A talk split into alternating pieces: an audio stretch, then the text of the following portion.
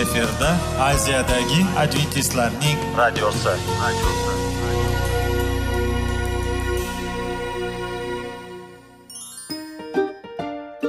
assalomu alaykum radio tinglovchimiz dasturimizga xush kelibsiz va bizni tinglayotganingizga sizdan judayam minnatdormiz bugungi bizning dasturimizning nomi sog'liq daqiqasi deb ataladi va biz sizlarga bu dasturda mevalarning foydasi haqida so'zlab bermoqchimiz ya'ni uning tarkibi uning tarixini va foydali xususiyatlari haqida.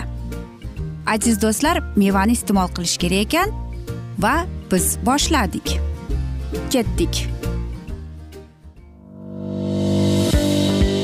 Sog'liq daqiqasi soliqning kaliti qiziqarli ma'lumotlar faktlar. Har kuni siz uchun foydali maslahatlar. Sog'liq daqiqasi rubrikasi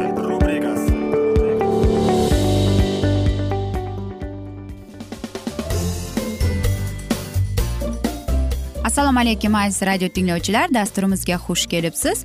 Va biz sizlar bilan tana va sog'liq degan dasturni boshlagan edik. Va bugungi bizning dasturimizning mavzusi tabiiy mahsulotlar bilan burunning parvarishi deb nomlanadi. Albatta hammamizda ham shunday bir narsa bo'lganki biz e, shamollab qolganimizda burun bilan nafas ololmasdan biz og'zimiz bilan nafas ola boshlaymiz. Albatta mana shunday asnoda bizning hayotimiz quvonchsiz bo'lib qoladi. Lekin hattoki biz ovqatimizni ham tinchgina yeya olmaymiz. Chunki bir daniga ham ovqat yeb ham nafas olish judayam qiyin. Va mana shunday asnoda hattoki uxlash ham judayam qiyin bo'lib qoladi. Chunki og'zimiz qurib boradi va bu bizdagi judayam aytaylik dahshatli noqulayliklarni olib keladi. Agar sizlarga mana shu narsa tanish bo'lsa unda sizlarga aytamizki bugungi dasturimiz aynan sizlar uchundir. Va mana bugungi dasturimiz sizlarga qanday qilib biz tabiiy mahsulotlar bilan mana shunday burunni to'g'irlashimiz mumkin qanday qilib tozalashimiz mumkin va qanday qilib parvarish qilishimiz mumkin? Albatta keling. Biz oddiy usuldan boshlaylik. Ya'ni bu issiq vanna oyoqlar uchun qarangki biz vannaga suv to'ldirib oyog'imizni tushirib issiq suvga va siz ko'rasizki qanday qilib bu sizning burningizni tozalab e, va sizning boshingizda bo'layotgan og'riqni yengillashtiradiganini ko'rib kelasiz. E, suvning darajasi o'ttiz olti qirq gradus issiqlikda bo'lishi kerak ekan. E, bularning bu tajribaning aytaylik o'n o'n besh daqiqa bo'lishi kerak ekan. Qachon siz oyoqlaringizni mana shunday suvda uyutib o'tirganingizdan keyin uni yaxshilab quritib sochiqda artib e, va albatta jum paypoq kiying. Va mana shu e, narsani siz bir kunda uch mahaldan qilishingiz kerak ekan. Agar kim bu usul bilan tanish emas bo'lsa bu eng yaxshi usuldir. Shuning uchun ham ikkala oyoqni ham issiq suvda tutish judayam yaxshi bo'ladi. E, lekin qarangki agar siz shamollab qolgan bo'lsangiz unda darrov vannaga suv to'ldirib oyog'ingizni issiq suvga to'ldirishga harakat qilmang. Bu noto'g'ri. Mana shunday qilish kerak. Mana sizlarga maslahatimiz.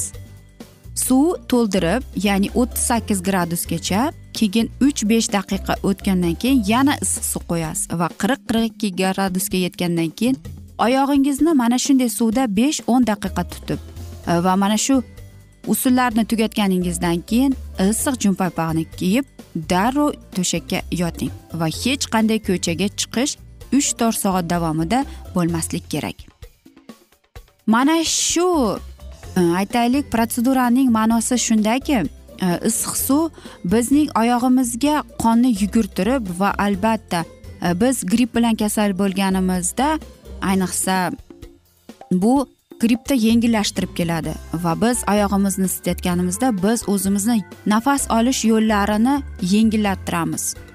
Shuning uchun ham faqatgina oyoqni to'g'ri e, qo'llanmalar bilan e, biz isitishimiz kerak ekan. Agar e, lekin bu mana shu protseduraning ham aytaylik qarshiligi ham bor desak ham bo'ladi. Agar sizda judayam baland issiqlig'ingiz bo'lsa agar siz homilador bo'lsangiz agar sizda yurak qon tomir kasalligi bo'lsa yoki asala masalan siz gipertonik bo'lsangiz va siz yoki e, biror soatning ichida ko'chaga chiqishga e, tayyorgarlik ko'rayotgan bo'lsangiz unda bu narsaning qilishning umuman keragi yo'q. Keyingi usul esa bu albatta sizlar bilan ingalyatsiya haqida. Albatta yoshligimizda hammamizning ham yodimizda onamiz kartoshkani to'g'irlab qaynatib va mana shuning ustida qalin adyol bilan yopib biz uning ustida nafas olar edik. Biz o'shaning paridan nafas olardik. Va bu ham bizning nafas olishimizga judayam katta yordam berib keladi. Bu eng yaxshi usul chunki bu yumshoq e, va judayam nozik e, usullardan kelib chiqadi.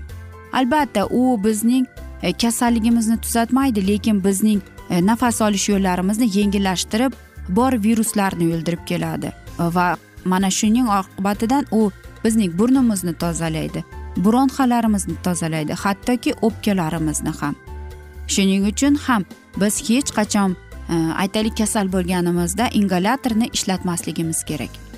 Albatta kasal bo'lganimizda ko'plab foydali yog'lar ham foyda keltiradi. Ayniqsa evkaliptning yog'i. Bir necha e, mana shu yog'ni aytaylik issiq suvga tomizib e, va Э, undan nafas olishga ya'ni ingalyatsiya qilishingiz judayam foydali bo'lib qoladi va u hattoki burningizdan oqayotgan chimkiriklarni kamaytirishga yordam berib keladi. Va qarangki mana shunday narsalarning o'ylaymizki bir tomondan shu narsani qilish judayam zarur. Va bu to'g'ri qilish kerak ekan. Nima qilish kerak? Agar burundan qon oqib ketsa deydi. To'g'ri o'tirib yoki turing. Hech ham yotmang. E, bu boshingizga qon miyangizga qonni e, yuborishga kamroq e, mana shunday usulini olib keladi. Boshingizni oldinga qilib bo'kib va nima qilmangki qonni yutishga harakat qilmang. Va siz o'zingizni peshanangizga yoki betingizga yoki bo'yningizga sovuq muzdek narsani tashlab oling. Va men o'ylaymanki har birimiz ham shunday bir maqolni o'ylaganki eshitganki agar shamollashni davolasa demak u ikki haftadan keyin yana qaytib keladi deb.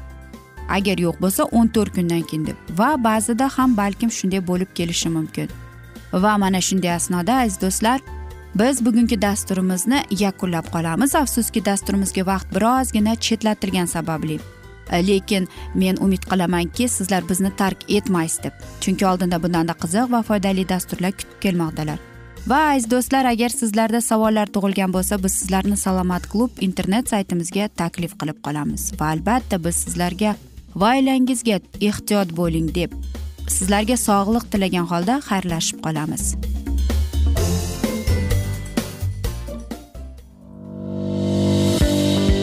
Sog'liq daqiqasi soliqning kaliti qiziqarli ma'lumotlar faktlar. Har kuni siz uchun foydali maslahatlar. Sog'liq daqiqasi rubrikasi.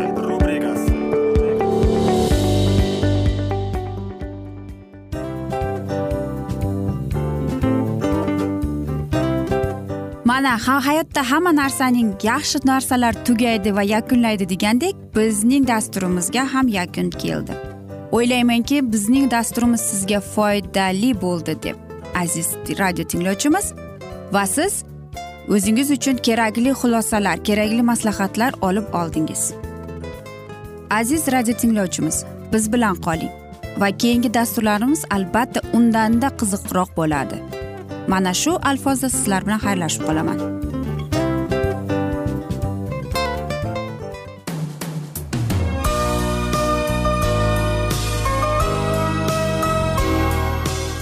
Efirda aziyadagi adventistlarning radiosi.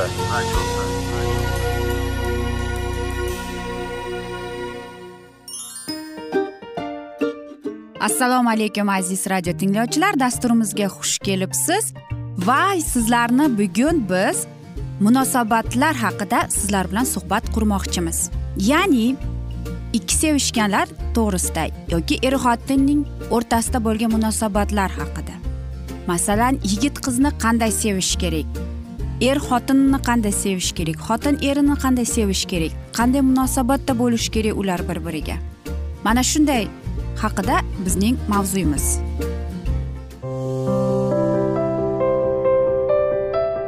Har kuni har xil kasbdagi odamlar bilan sirlashish va bo'lishish sevgi rashq munosabat bularni hammasi izhori rubrikasida.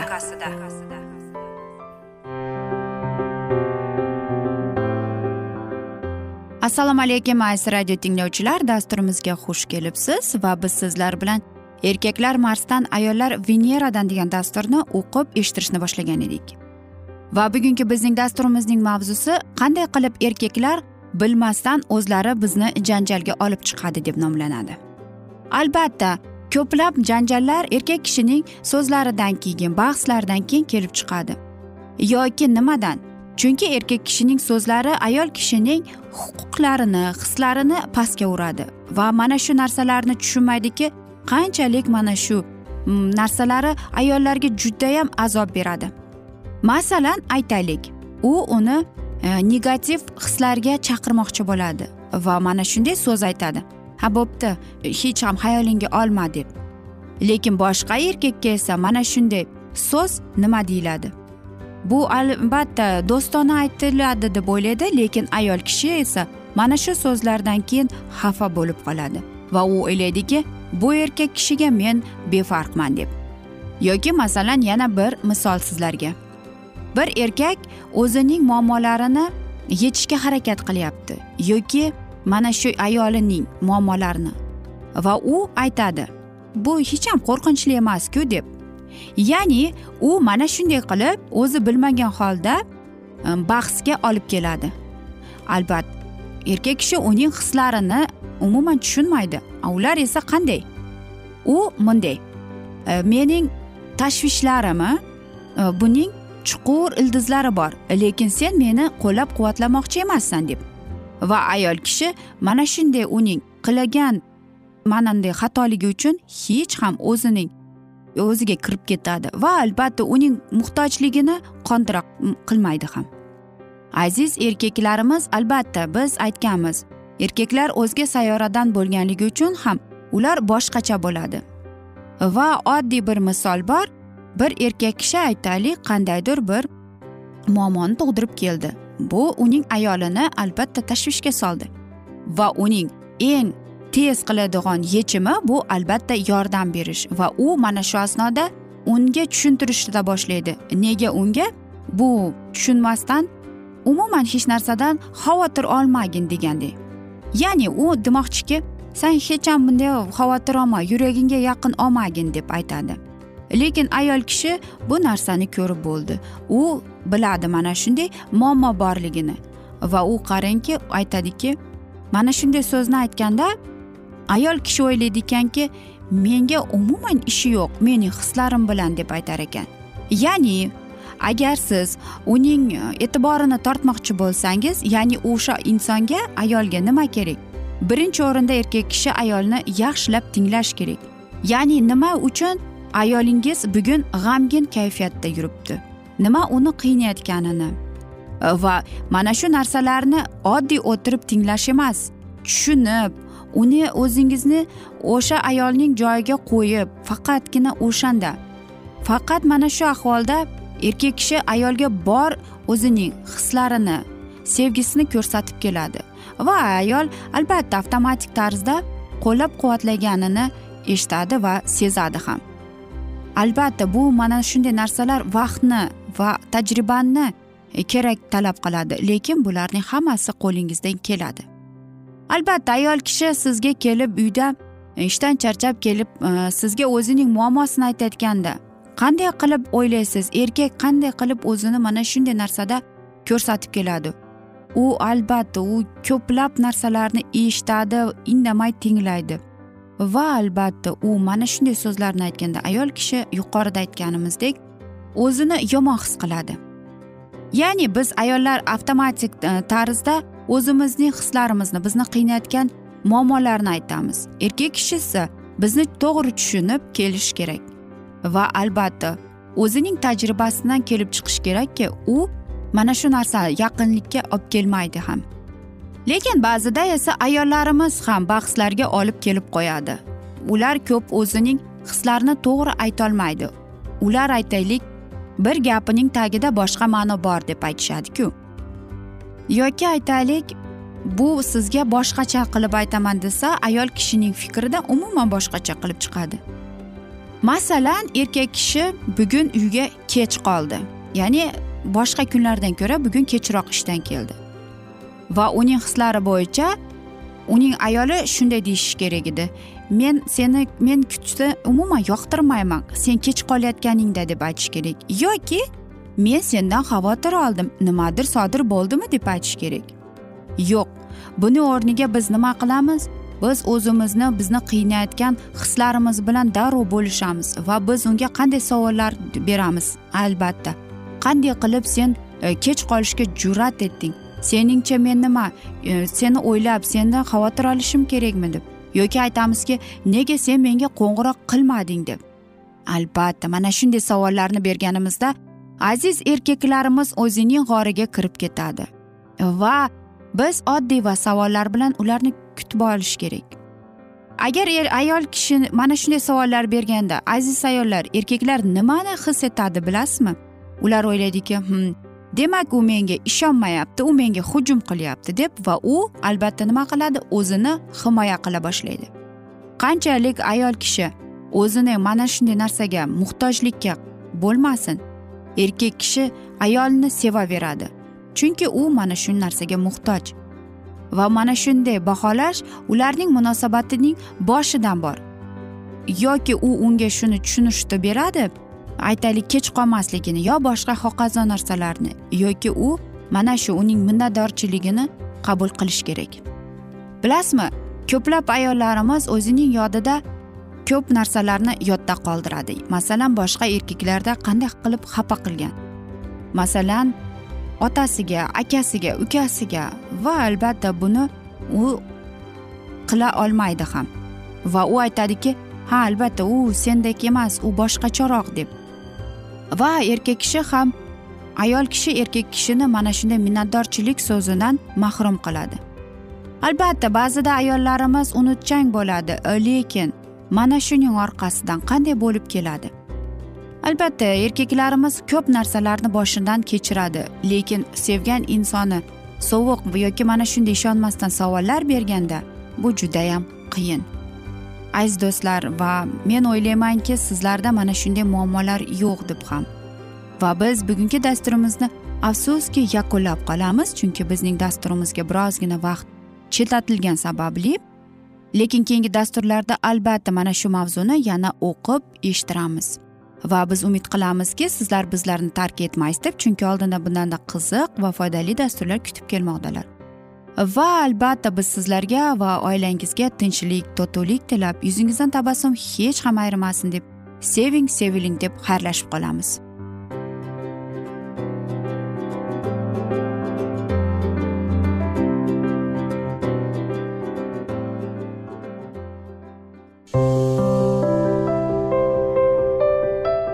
Har kuni har xil kasbdagi odamlar bilan sirlashish va bo'lishish.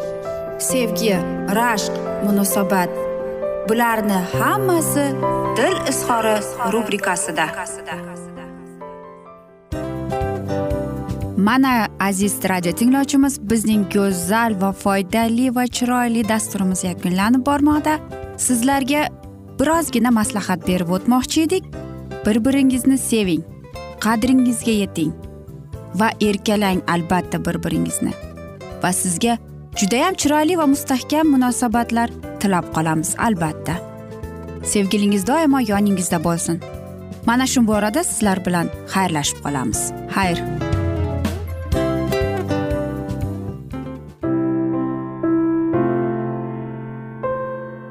Hayotning noni. Qiziqtirgan savollar va javoblar. Buning hammasi ko'ngil uchun oziqa rubrikasida.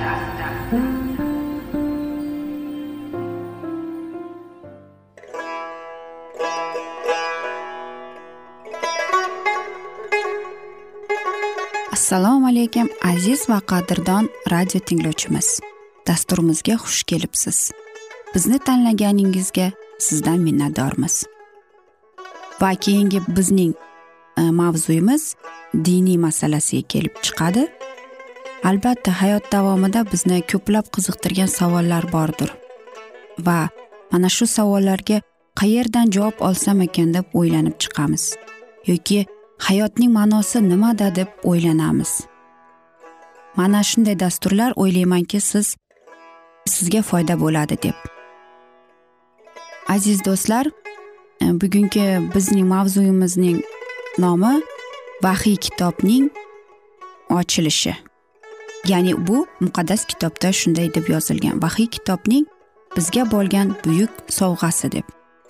Albatta mana shunday kitobni eshitib quloq solib e'tiborli bo'lsak biz o'zimizning qiziqtirgan hayotning ma'nosini tushuntirgan bizni kelajakda nima kutayotganini mana shu kitobdan bilib olamiz albatta.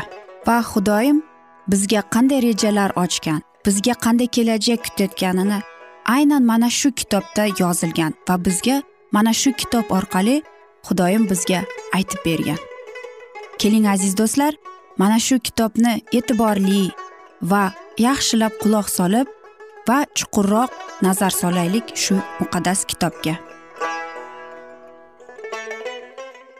Assalomu alaykum aziz radio tinglovchilar. Dasturimizga xush kelibsiz va biz sizlar bilan ulug' kurash degan kitobni o'qib eshittirishni boshlagan edik va bugungi bizning dasturimizning mavzusi fransiyada vahima va qasos deb nomlanadi va biz sizlar bilan o'tgan galgi mavzuni bugun yana davom ettiramiz. Muqaddas kitob ozodlikni olib bordi. Xushxabar qabul qilingan joylarda odamlarning ongi uyg'ondi. Ular yelkalaridagi johillik illat xurovotlarning kishanlarini uloqtirib tashladilar. Ular mustaqil ravishda fikrlash va faoliyat ko'rsatishni boshladilar. Monarxlar buni ko'rib o'z hokimiyati uchun jon jahdlarini bilan kurashdilar. Rim to'xtovsiz ravishda ularning ashadiy xavotirliklarini kuchaytirdi. Bir ming besh yuz yigirma beshinchi yili papa fransiya vakilini ogohlantirdi. Bu maniya protestantizm nafaqat dinni balki davlatni dvoryanliklarni qonunlarni tartib intizomni va hamma taqabiy farqlarni yo'q qilib tashlaydi. Bir necha yil o'tgach papa elchilari qirolni ogohlantiradi. Janobi oliylari adashmang protestantlar dunyoviy hokimiyatga ham diniy hokimiyatga ham baravar ham xavf solmoqdalar. Taxt xuddi qurbongoh sifari xavf ostida. Yangi dinning kiritilishi uzluqsiz ravishda yangi boshqaruvda zaruratni keltirib chiqaradi. Ilohotchilar xalqning jaholat botqog'iga botishda rol o'ynab ularni quyidagilarga ishontirmoqchi bo'ldilar. Protestant ta'limoti odamlarni yangilikka bemulohazalik bilan munosabatda bo'lish uchun vasvasaga soldi. Bu ta'limot qirolga nisbatan o'z fuqarolarining sadoqatidan mahrum qiladi. Jamoatni ham davlatni ham vayron qiladi. Rim bu usullar bilan ta'sir ko'rsatib fransiyada islohotga qarshi kayfiyat uyg'otdi. Taxtni qo'llab quvvatlash zodagonlarni himoya qilish va qonunlarni saqlash uchun fransiyada taqib qilichi birinchi bo'lib yalang'ochlandi bu mamlakat hukmdorlari bunday siyosatning yovuz oqibatlarini shubhasiz oldindan ko'ra bildilar. Muqaddas kitob ta'limoti odamlarning ongida va qalbida adolatning haqiqat xolislik tenglik va xayriya tamomiylarni tasdiqlagan bo'lardi. Bu tamomiylar millat gullab yashashning tamal toshi hisoblanadi. Solihlik xalqi yuksallantiradi. Shuning uchun taxt haqiqat bilan mustahkam bo'ladi. Haqiqat ishi tinchlik bilan bo'ladi. Buning natijasi asrlar davomida xotirjamlik va bexavotirlik. Kim xudoning qonuniga itoat etsa u o'z mamlakatining qonunini hurmat qiladi. Kim xudodan qo'rqsa u hukmdorini hamma adolatli va qonuniy talablar bilan hurmat qiladi. Ammo baxtiqaro fransiya muqaddas kitobni taqiqladi uning muxlislarini qonundan tashqari deb e'lon qildi. Asrlar davomida nozik fahm va axloqiy kuch qudrat egalari bo'lgan prinsipial va risoladagi odamlar o'zlarining e'tiqodi va iymonini aytish uchun haqiqat borasida azob chekish uchun yetarli darajada jasoratli bo'lgan edilar. Bu odamlar asrlar bo'yi xuddi qullar singar sovuq o'lkalarda surg'unda bo'lib iztirob chekadilar. Gulxanda yondilar yo bo'lmasa zindonlarda tiriklayin chiridilar. Minglab minglab odamlar qochib ketib jon saqlab qolishga majbur bo'ldilar. Bularning hammasi islohot boshlangandan keyin ikki yuz ellik yil davomidaga cho'zilib ketdi. Mana shu uzoq davrda taqibchilarning telbalarcha g'azabidan qochib ketishga majbur bo'lgan injil izdoshlariga guvoh bo'lish mumkin bo'lgan kamida bitta fransuz avlodi bor edi. Qochoqlar o'zlari bilan bilimlarni san'atni hunarmandchilik va tartib intizomni olib ketdilar. Ular o'zlari uchun boshpana bo'lgan mamlakatlarni boyittirdilar. O'zlarining favqulodda iste'dodlarini bilan boshqa mamlakatlarning gullab yashnashiga yordam berdilar. Ularning ona vatani esa tublikka yuz burdi. Agar bu iste'dodlar fransiyada qolganlarida edi uch yuz yil davomida quvg'inga uchraganlarning mahorati ona yurtiga xizmat qilganda edi. Ular badiiy qobiliyatlarini ishga solganlarida edi. Ularning ijosi dahosi va idroqi qudrati adabiyotni va fanni boyitganda edi. O'zlarining donoligi bilan hukumatga shon shuhrati bilan kumondanlarga yordam berganda edi. Ularning adolatli hukmi bilan qonunlar chiqarilganda edi. Ularning muqaddas kitob dini fransuzlarning aqliy kuchini mustahkamlagan ularning vijdonini boshqarganda edi. Bugungi fransiya qachonlar ulug'vorlikka erishgan bo'lar edi? Buyuk gullayotgan baxtli mamlakat hamma xalqlar uchun u qanday namuna bo'lgan bo'lardi ya? Ammo so'qir va shafqatsiz fanatizm hamma fazilatlarning ustozini huquq kurashchilarini taxtning halol himoyachilarining chegaralaridan quvib chiqardi. O'z mamlakatini taniqli va mashhur mamlakatga aylantirmoqchi bo'lganlarga shunday deb aytilgan edi. Nimani istasangiz tanlang gulxan yoki quvg'in? Oxir oqibatda davlat vayron bo'ldi. Vijdon endi taqib qilmay qo'ydi chunki xalqqa vijdon qolmadi. Diniy e'tiqodlar. Chunki xalqda vijdon qolmaydi deydi. Quvg'inlar esa hech kimga xavf solmay chunki vatanparvarlar yo'q bo'lib ketdi.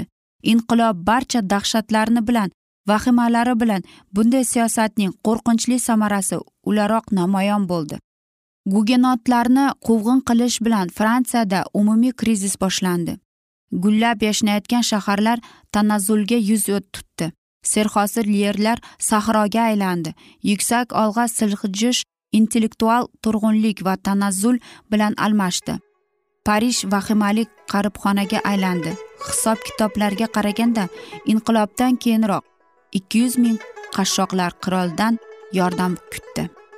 Aziz do'stlar mana shu alfozda biz bugungi dasturimizni afsuski yakunlab qolamiz chunki bizning dasturimizga vaqt birozgina chetlatilgani sababli. Ammo lekin sizlarda savollar tug'ilgan bo'lsa biz sizlarni alkitab media internet saytimizga taklif qilib qolamiz. Va albatta sizlarga va yaqinlaringizga tinchlik totuvlik tilab yuzingizdan tabassum hech ham ayrimasin deb xayr omon qoling deymiz.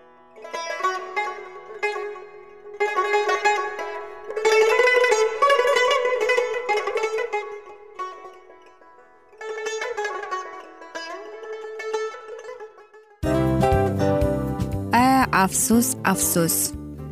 Hamma yaxshi narsaning ham yakuni bo'ladi degandek bizning foydali va qiziqarli dasturlarimiz ham yakunlanib qoldi. Va men umid qilamanki bizning dasturlar sizga ozgina bo'lsada maslahat berdi foyda berdi. Va sog'liq borasida ayniqsa sizlarga foydali bo'ldi deb. Va siz bizning maslahatlarga amal qilasiz deb. Albatta keyingi dasturlarda undanda qiziqroq undanda foydaliroq ma'lumot berishga harakat qilamiz. Undanda qiziqroq ko'rsatuvlar sizlarga hadya etishga harakat qilamiz. Bizni tanlaganingizga albatta sizlardan minnatdormiz.